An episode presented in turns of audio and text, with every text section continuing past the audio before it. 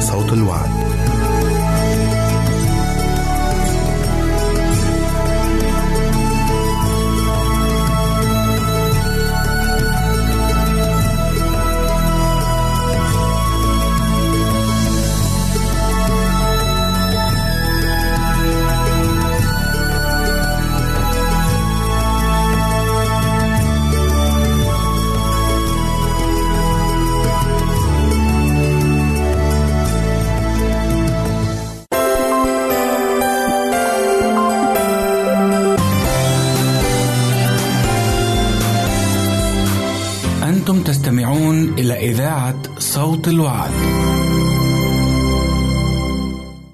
المستمع، يمكنك مراسلتنا على البريد الإلكتروني التالي Arabic at awr.org العنوان مرة أخرى Arabic at awr.org ونحن في انتظار رسائلك واقتراحاتك.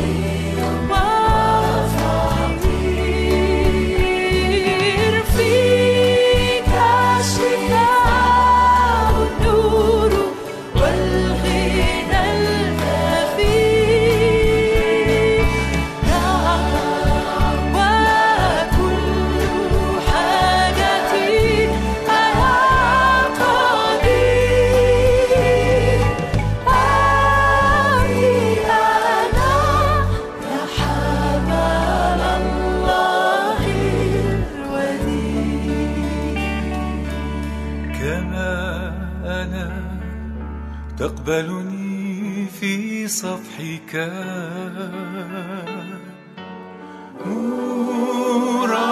مرحبا مطهرا ببرك.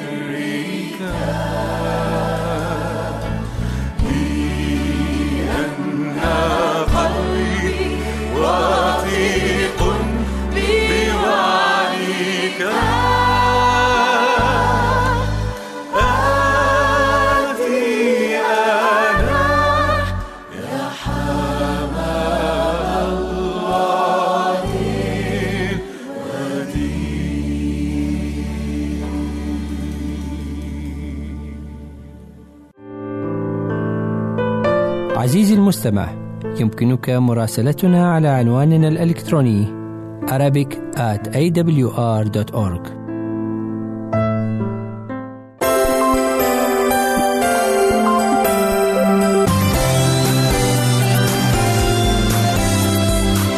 أنتم تستمعون إلى إذاعة صوت الوعد.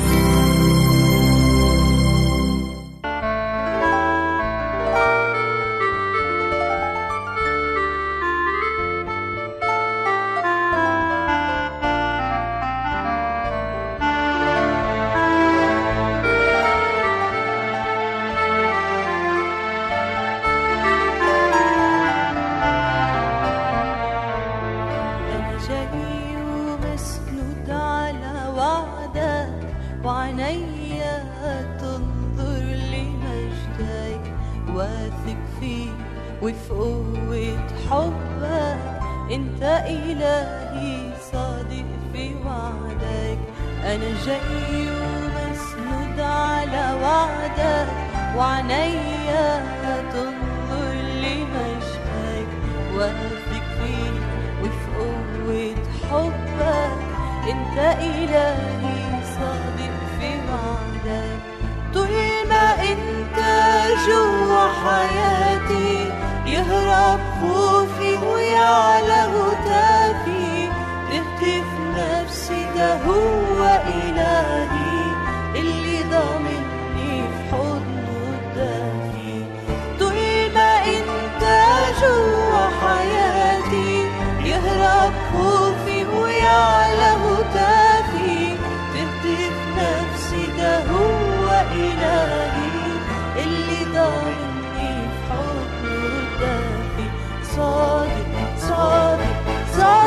يا ربي انت يا ربي صادق يا ربي في مواعيدك. صادق صادق صادق يا ربي انت يا ربي صادق يا ربي في مواعيدك.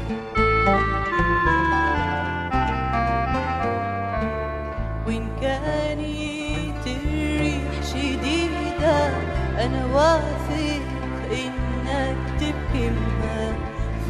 في الحديد لو دخلت نفسي إلى رحبك ربي تخرجها.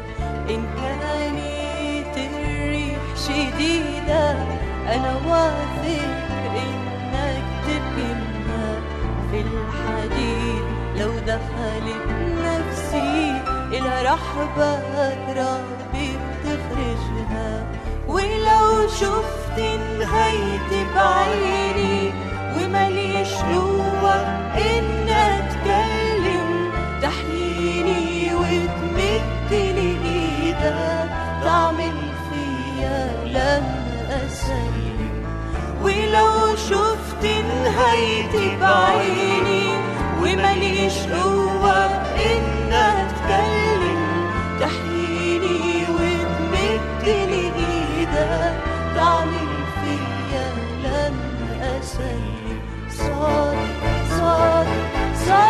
يا ربي أنت يا ربي صادق يا ربي في مواعيدك.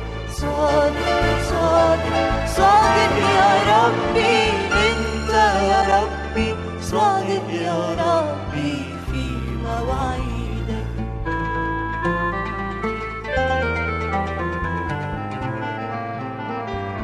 مهما بتجرحني لمسة حنانك بتريحني بتزكي صبري وتفرحني في كل أموري بتنجحني مهما التجارب بتجرحني لمسة حنانك بتريحني بتزكي صبري وتفرحني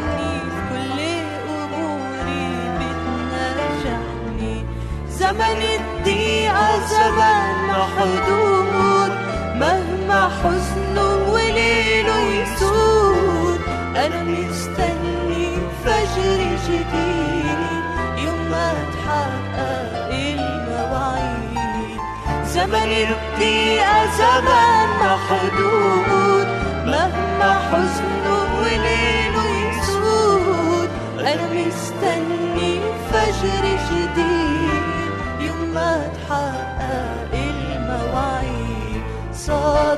صادق صادق يا ربي انت يا ربي صادق يا ربي في مواعيدك صادق صادق صادق يا ربي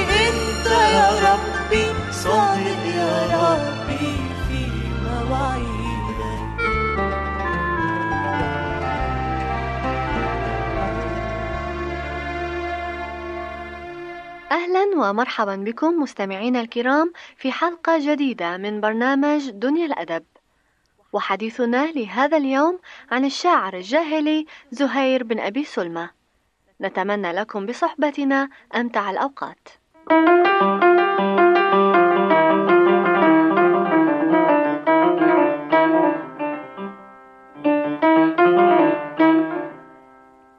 الشاعر هو زهير بن أبي سلمى ربيعة بن رباح المزني.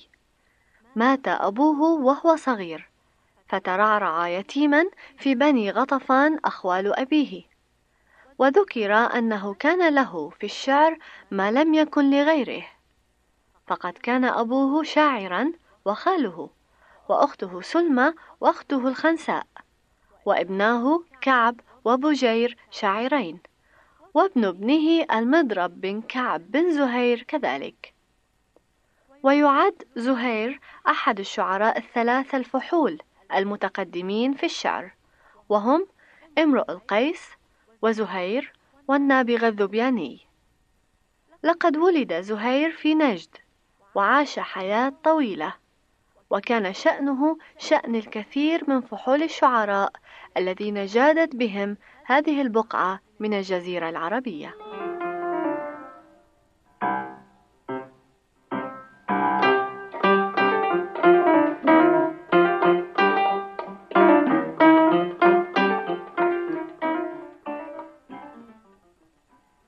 كانت القصائد التي ينظمها زهير تسمى حوليات زهير ويقال أنها سميت كذلك لأنه كان يكتب القصيدة في شهر.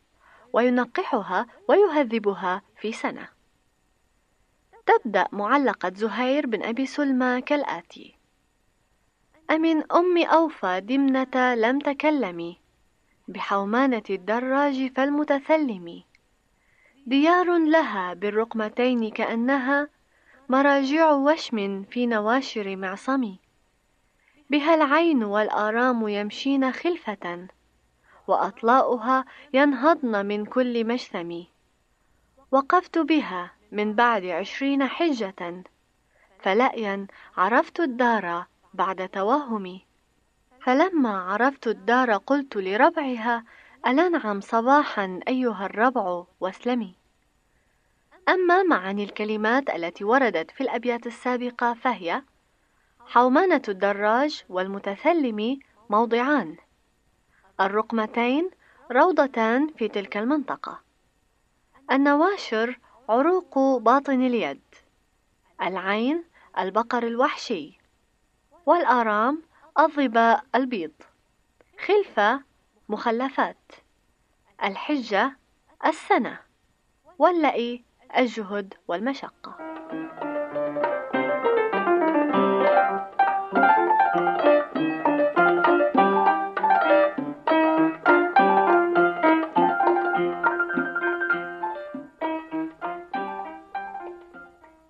معلقة زهير بن أبي سلمى مقسمة إلى نصفين.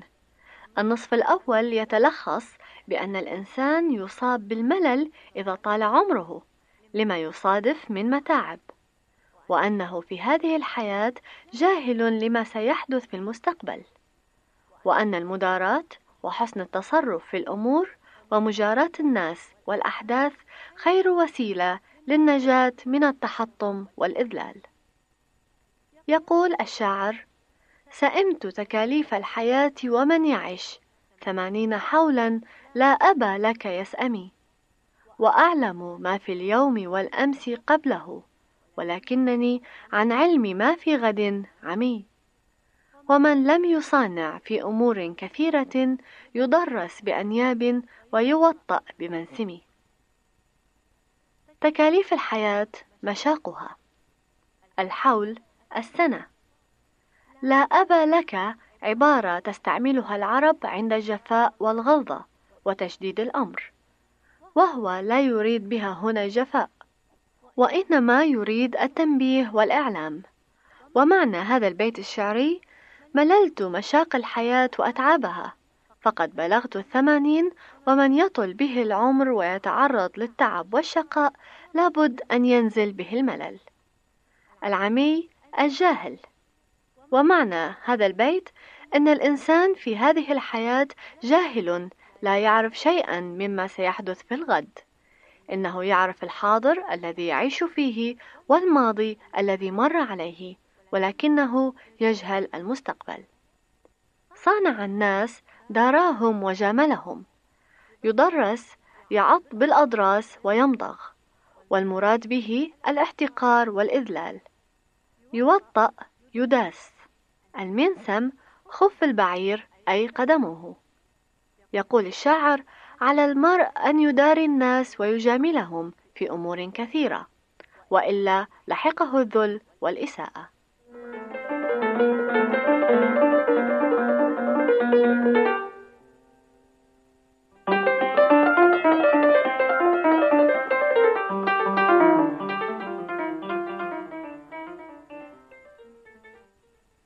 يدعو الشاعر إلى البر والوفاء ويبين ما فيهما من راحة نفسية عميقة ثم يقدم رأيه في المعروف وبذله فيرى أنه مجلبة للمحامد إذا كان في محله وأنه في غير محله مجلبة للذم كما نقرأ في الأبيات التالية. ومن يك ذا فضل فيبخل بفضله على قومه يستغنى عنه ويذمم ومن هاب أسباب المنايا ينلنه وأن يرقى أسباب السماء بسلم ومن يجعل المعروف في غير أهله يكن حمده ذما عليه ويندمي أما معاني الكلمات فهي الفضل المال والإحسان. والمعنى إن من كان صاحب مال فبخل به على قومه استغنى عنه قومه وذموه. هاب خاف الأسباب جمع سبب والمقصود بأسباب المنايا ما يتسبب عنه الموت كالحروب وغيرها والمقصود بأسباب السماء الطريق إليها.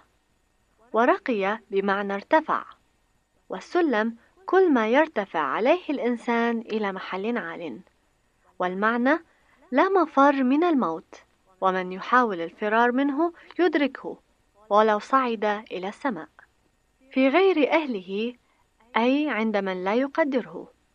والمعنى من وضع معروفه في غير موضعه وقدمه إلى من لا يستحقه كان جزاؤه الذم بدل الحمد وندم على ما صنع.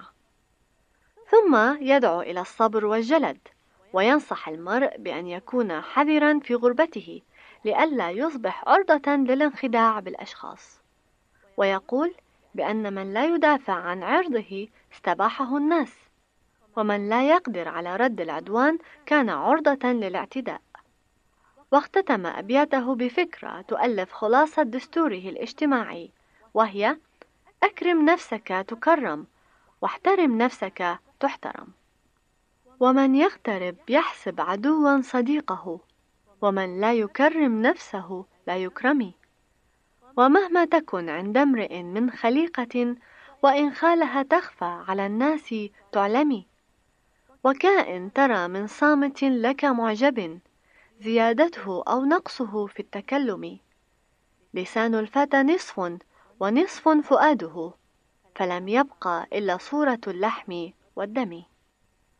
الخليقة الصفة حسنة كانت أم سيئة؟ خالها ظنها. والمعنى إن الإنسان مهما يحاول أن يخفي أخلاقه فلا بد أن تظهر للناس ويعرفوها سواء كانت حسنة أم سيئة. يقول الشاعر كثيرون من الصامتين يعجبك صمتهم فتستحسنهم وإنما يظهر فضل الإنسان أو نقصه عند تكلمه. ثم يتمم المعنى في البيت الأخير فيقول فؤاد الفتى نصف ولسانه النصف الآخر. أما صورته الباقية من اللحم والعظم والدم ففضلة لا نفع لها دون القلب واللسان ولا معول عليها إلا معهما. أما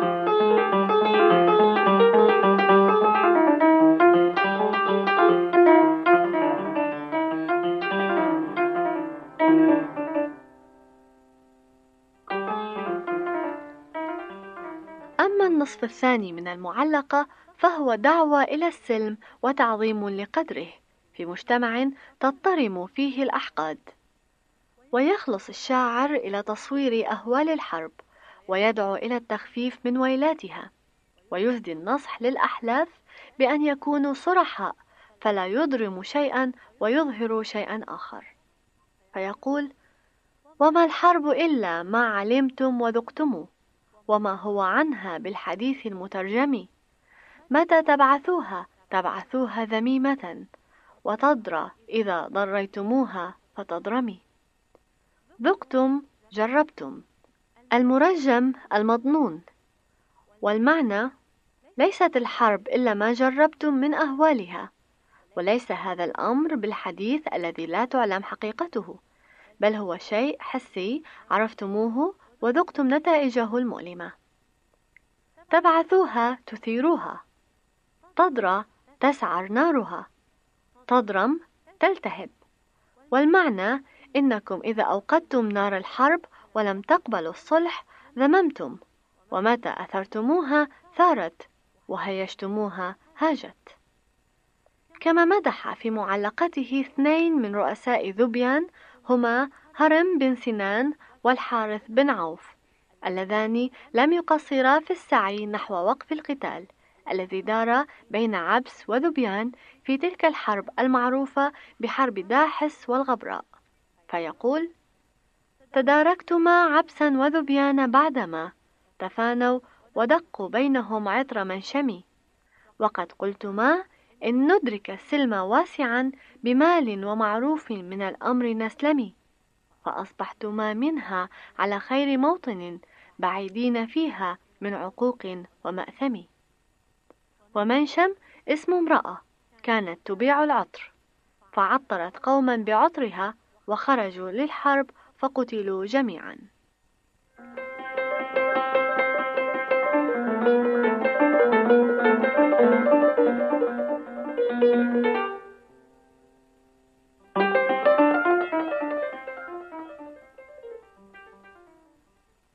وقد قال زهير بن أبي سلمى العديد من القصائد في مدح هرم بن سنان.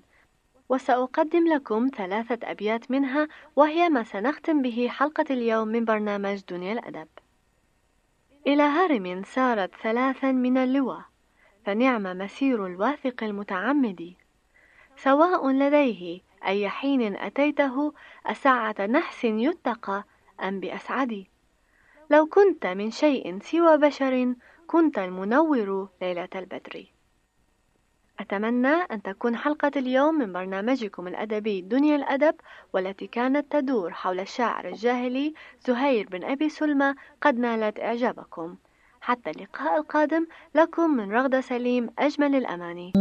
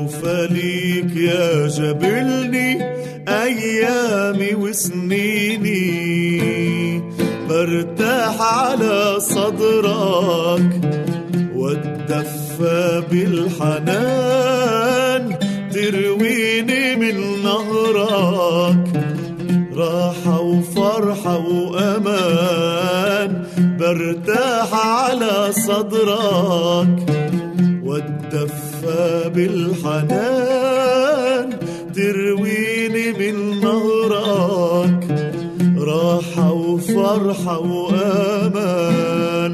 عديت عظامي وعرفني بطباعي وصفاتي. ضحكي ودمعي وأصغر تفاصيل حياتي. عديت عظامي وعرفني بطباعي وصفاتي ضحكي ودمعي وأصغر تفاصيل حياتي. مرتاح على صدرك والدفى بالحنان ترويني من نهرك. راحة وفرحة وأمان برتاح على صدرك والدفى بالحنان ترويني من نهرك راحة وفرحة وأمان. برتاح على صدرك والدفى بالحنان ترويني من نهرك راحة وفرحة وأمان برتاح على صدرك. والدفى بالحنان ترويني من نهرك راحة وفرحة وأمان.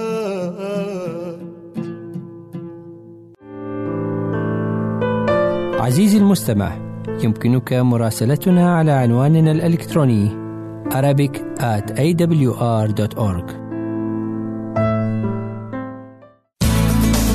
يمكنك مشاهدة هذا البرنامج على قناة الوعد أو على ال website www.l-wad.tv www.al-waad.tv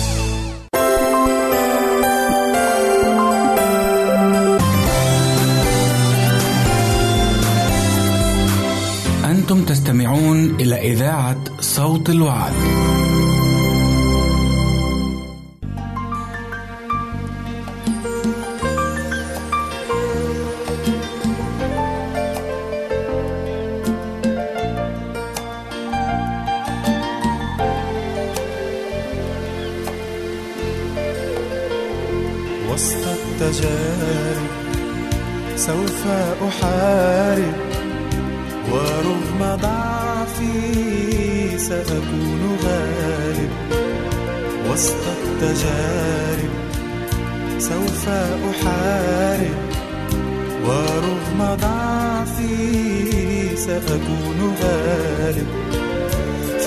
فليست مني كفايتي لكن بإلهي قوتي قال تكفيك نعمتي. إن كنت بالنعمة تحارب فليست مني كفايتي لكن بإلهي قوتي قال تكفيك نعمتي. إن كنت بالنعمة تحارب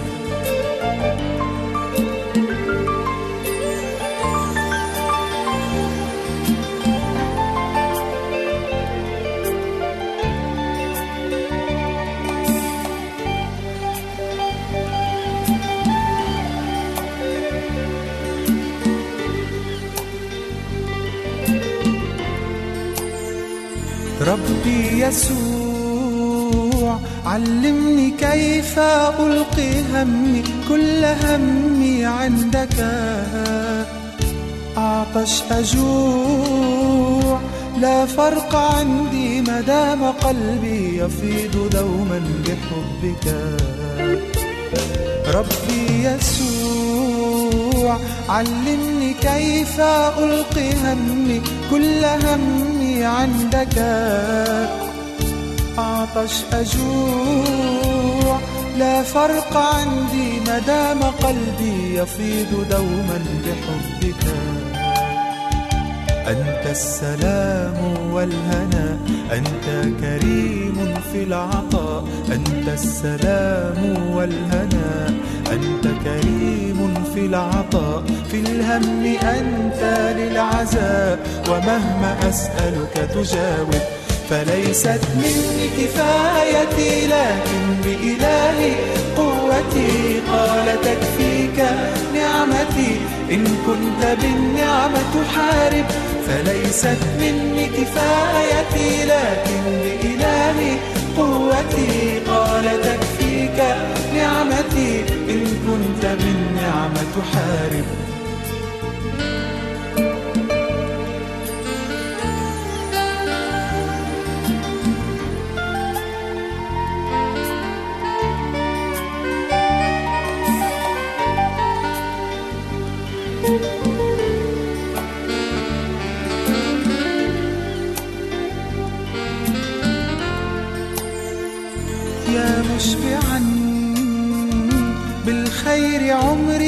مجددا شبابي مثل الطائر.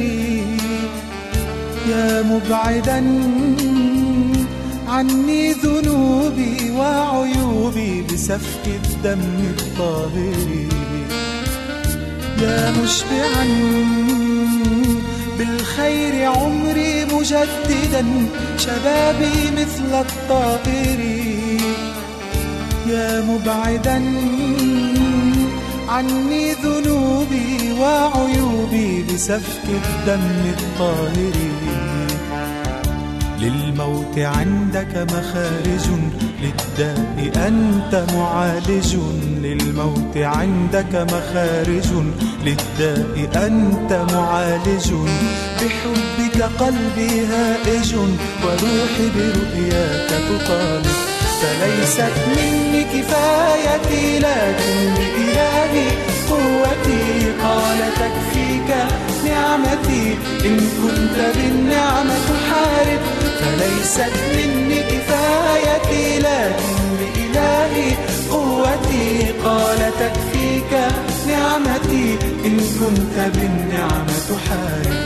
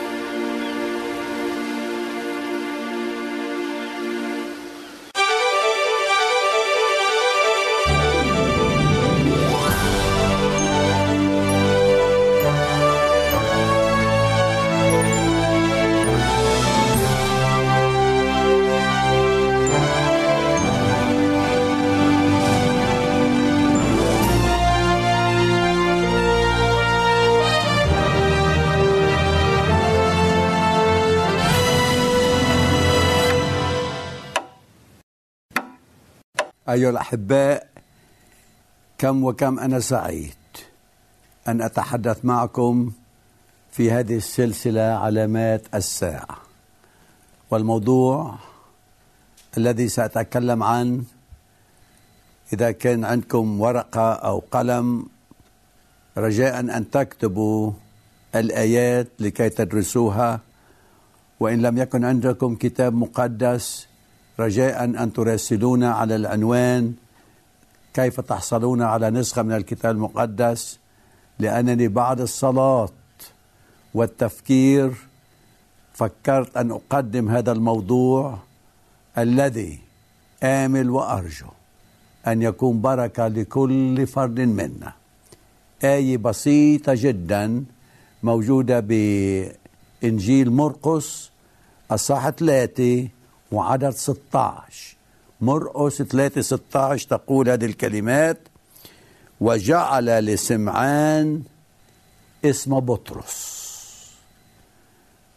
المسيح إذ نظر إلى سمعان.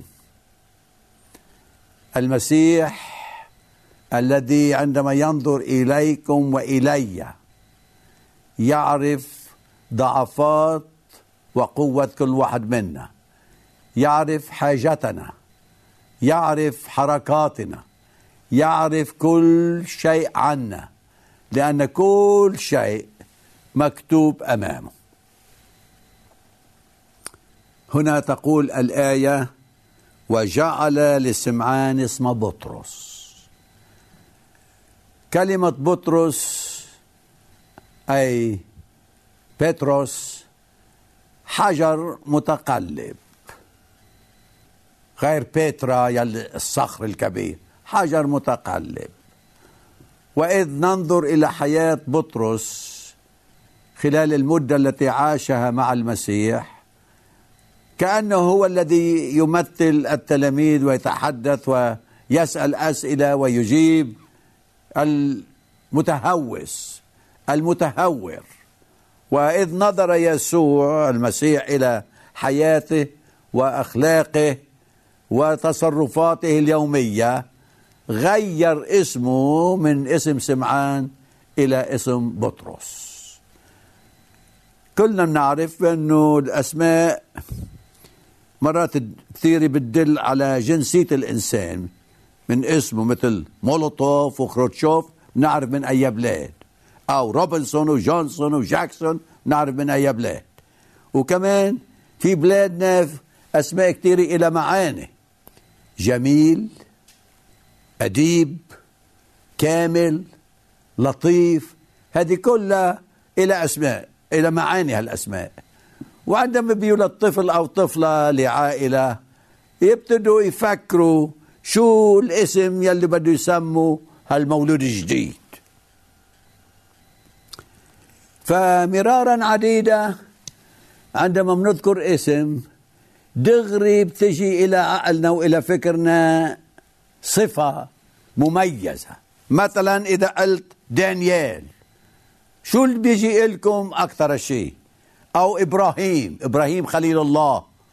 ف هنا كل كان عندهم صفات صفات مميزة عندما نذكر أسماءهم. في إنجيل متى الأصحاح الأول والأعداد 21 إلى 23 عندما ولد المسيح. الملاك أخبر يوسف ماذا سيكون اسمه. في إنجيل متى الأصحاح الأول وأعداد 21 إلى 23 أقرأ هذه الكلمات. فستلد ابنا وتدعو اسمه يسوع لأنه يخلص شعبه من خطاياهم. وهذا كله كان لكي يتم ما قيل من الرب النبي القائل هو ذا العذراء تحبل وتلد ابنا ويدعون اسمه عمانوئيل الذي تفسيره الله معنا.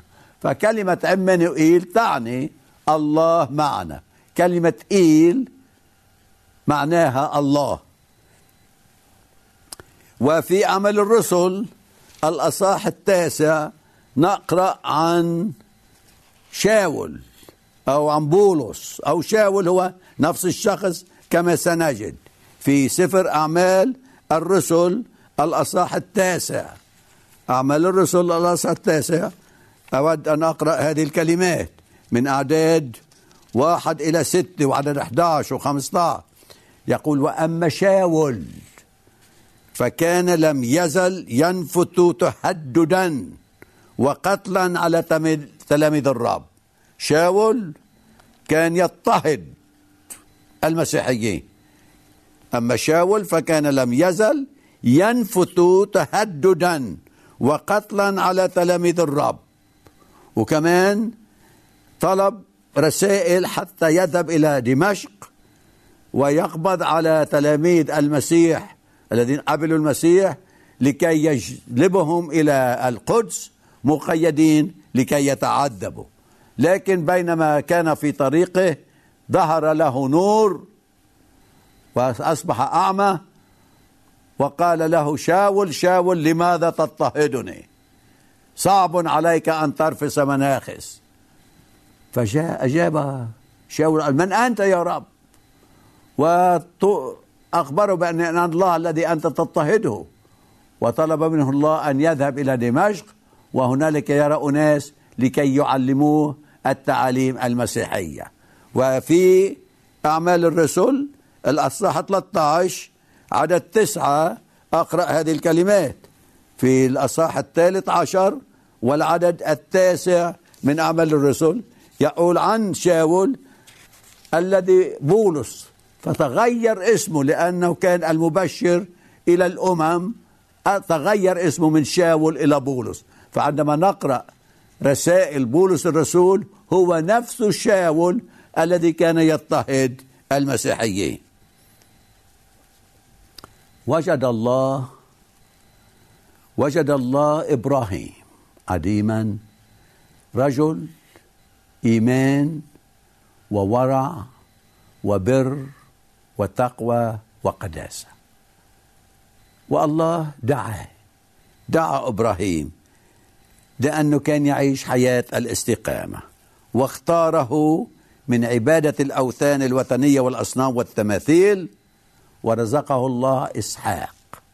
وعن قريب بعد فصل قصير سنتابع في هذا الموضوع.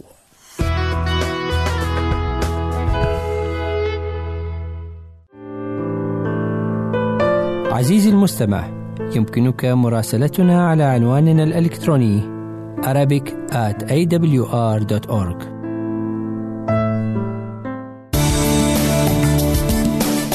أنتم تستمعون إلى إذاعة صوت الوعد.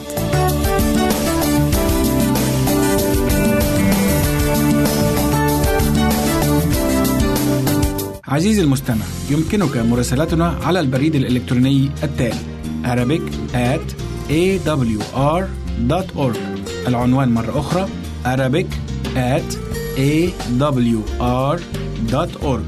ونحن في انتظار رسائلك واقتراحاتك.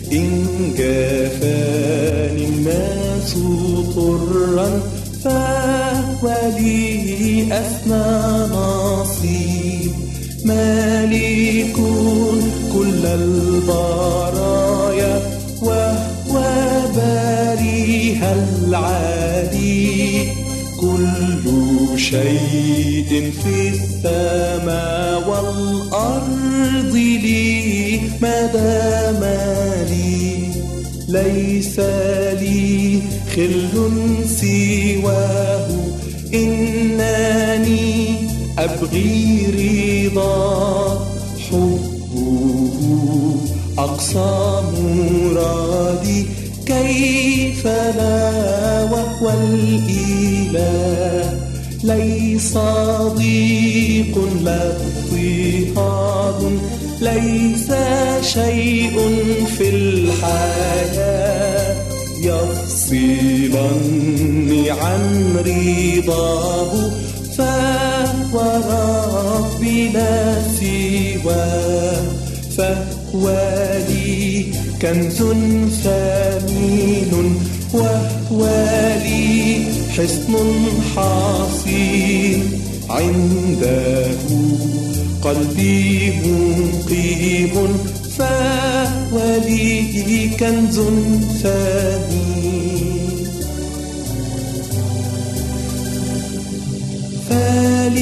إذا أحياؤنا في الأرض كالضيف الغريب راجيا بعد ارتحالي أن أرى وجه الحبيب فسلام وخير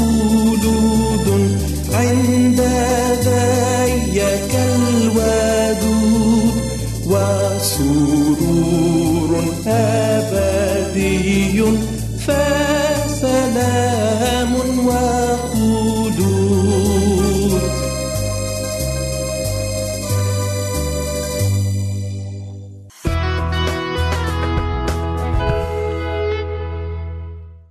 نتابع أيها الأعزاء في موضوعنا عن إنجيل مرقس الأصحاح 3 عدد 16 عندما المسيح أعطى لسمعان اسم بطرس.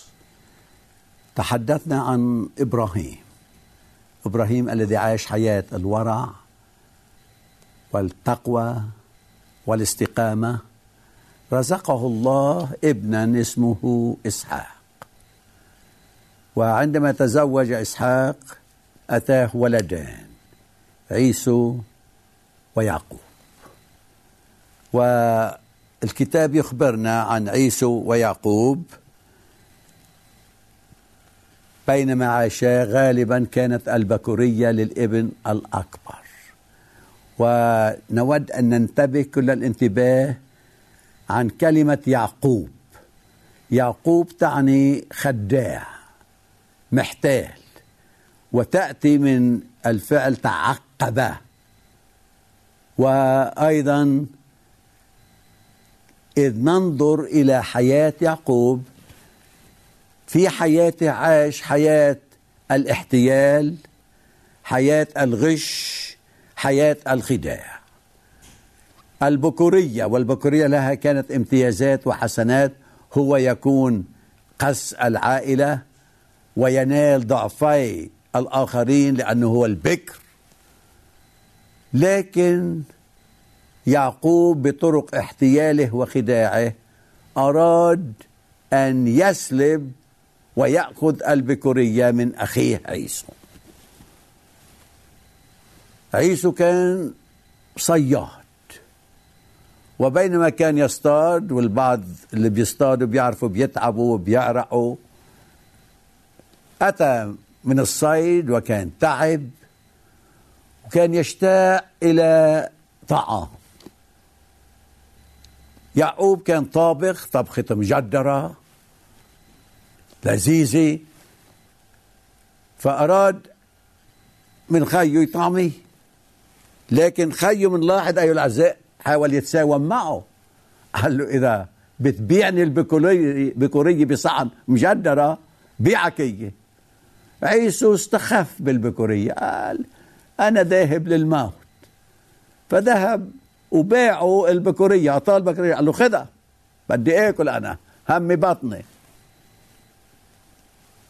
وبعد مدي أيضا عندما شيخ إسحاق أراد أن يبارك ابنه عيسو لأنه هو البكر. فقال له تعال يا ابني اذهب واصطاد واعمل لي وجبة حتى أباركك.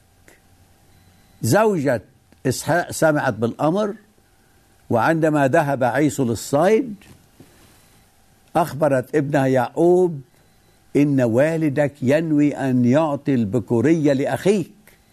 فتعال اجلب جدي نذبحه وأنا بحضر لك إياه وتدخل إلى أبيك حتى يمنحك البكورية. وأود أن أختصر القصة. كيف دخل يعقوب إلى أبيه وقال أنا ابنك عيسو مع أنه هو لم يكن عيسو. وباركه إسحاق. وعندما عاد عيسو من الصيد أتى إلى أبيه فالوالد قال لقد أعطيت البكرية لأخيك. ونوى عيسو أن يقتل أخاه لأنه خدعه وغشه واحتال عليه. هرب يعقوب نجاة لحياته. إلى أرض حران إلى خاله لابان. وهنالك ابتدى يهتم بالمواشي إنما أيضا عند خاله هو خدع وخدع خاله بطرق عديدة ومتنوعة ومختلفة.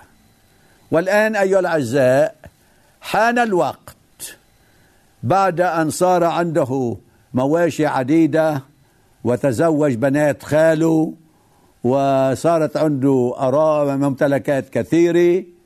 لاحظوا معي ما يقول في سفر التكوين الصح 31 والعدد الثالث. تكوين 31 3 وقال الرب ليعقوب ارجع إلى أرض آبائك وإلى عشيرتك فأكون معك. حان الوقت ليعقوب الخداع المحتال. الله قال له ارجع لأرضك لبلادك وأنا بكون معك. يعقوب حضر كل ما عنده أخبر أولاده نساءه وابتدى في العودة إلى بلاده. في أصحاح 32 من سفر التكوين الصاح بكامله منشوف ما قد جرى ليعقوب في الطريق وهو عائد من عند خاله لابان من حران إلى أرض كنعان.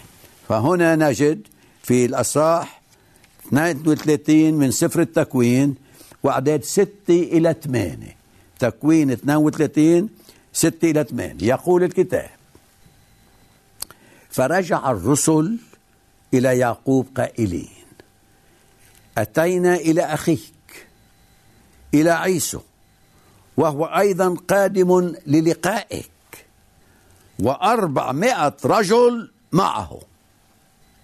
فخاف يعقوب جدا وضاق به الأمر فقسم القوم الذين معه والغنم والبقر والجمال إلى جيشين إلى فرقتين.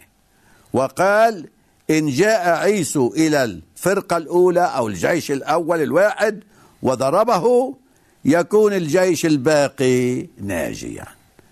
عاش يعقوب حياة خوف خاصة عندما سمع من الرسل الذين ذهبوا ليروا عيسو بهذا الخبر أخوك عيسو جاي لاستقبالك جاي تيواشك وجايب معه أربعمائة شخص. خاف يعقوب خوف عظيم. وصلى وصلى يعقوب قائلا يا إله آبائي يا إله أبي إبراهيم وإلى أبي إسحاق الرب الذي قال لي ارجع إلى أرضك وإلى عشيرتك فأحسن إليك. صغير أنا عن جميع ألطافك وجميع الأمانة التي صنعت إلى عبدك. هنا صلى صلاة للرب لأنه كان خائف للغاية. كيف بدي يواجه أخوه أي العزاء؟ بعد فصل قصير سنتابع في هذا الموضوع. ماذا حدث بعد ذلك يا ترى؟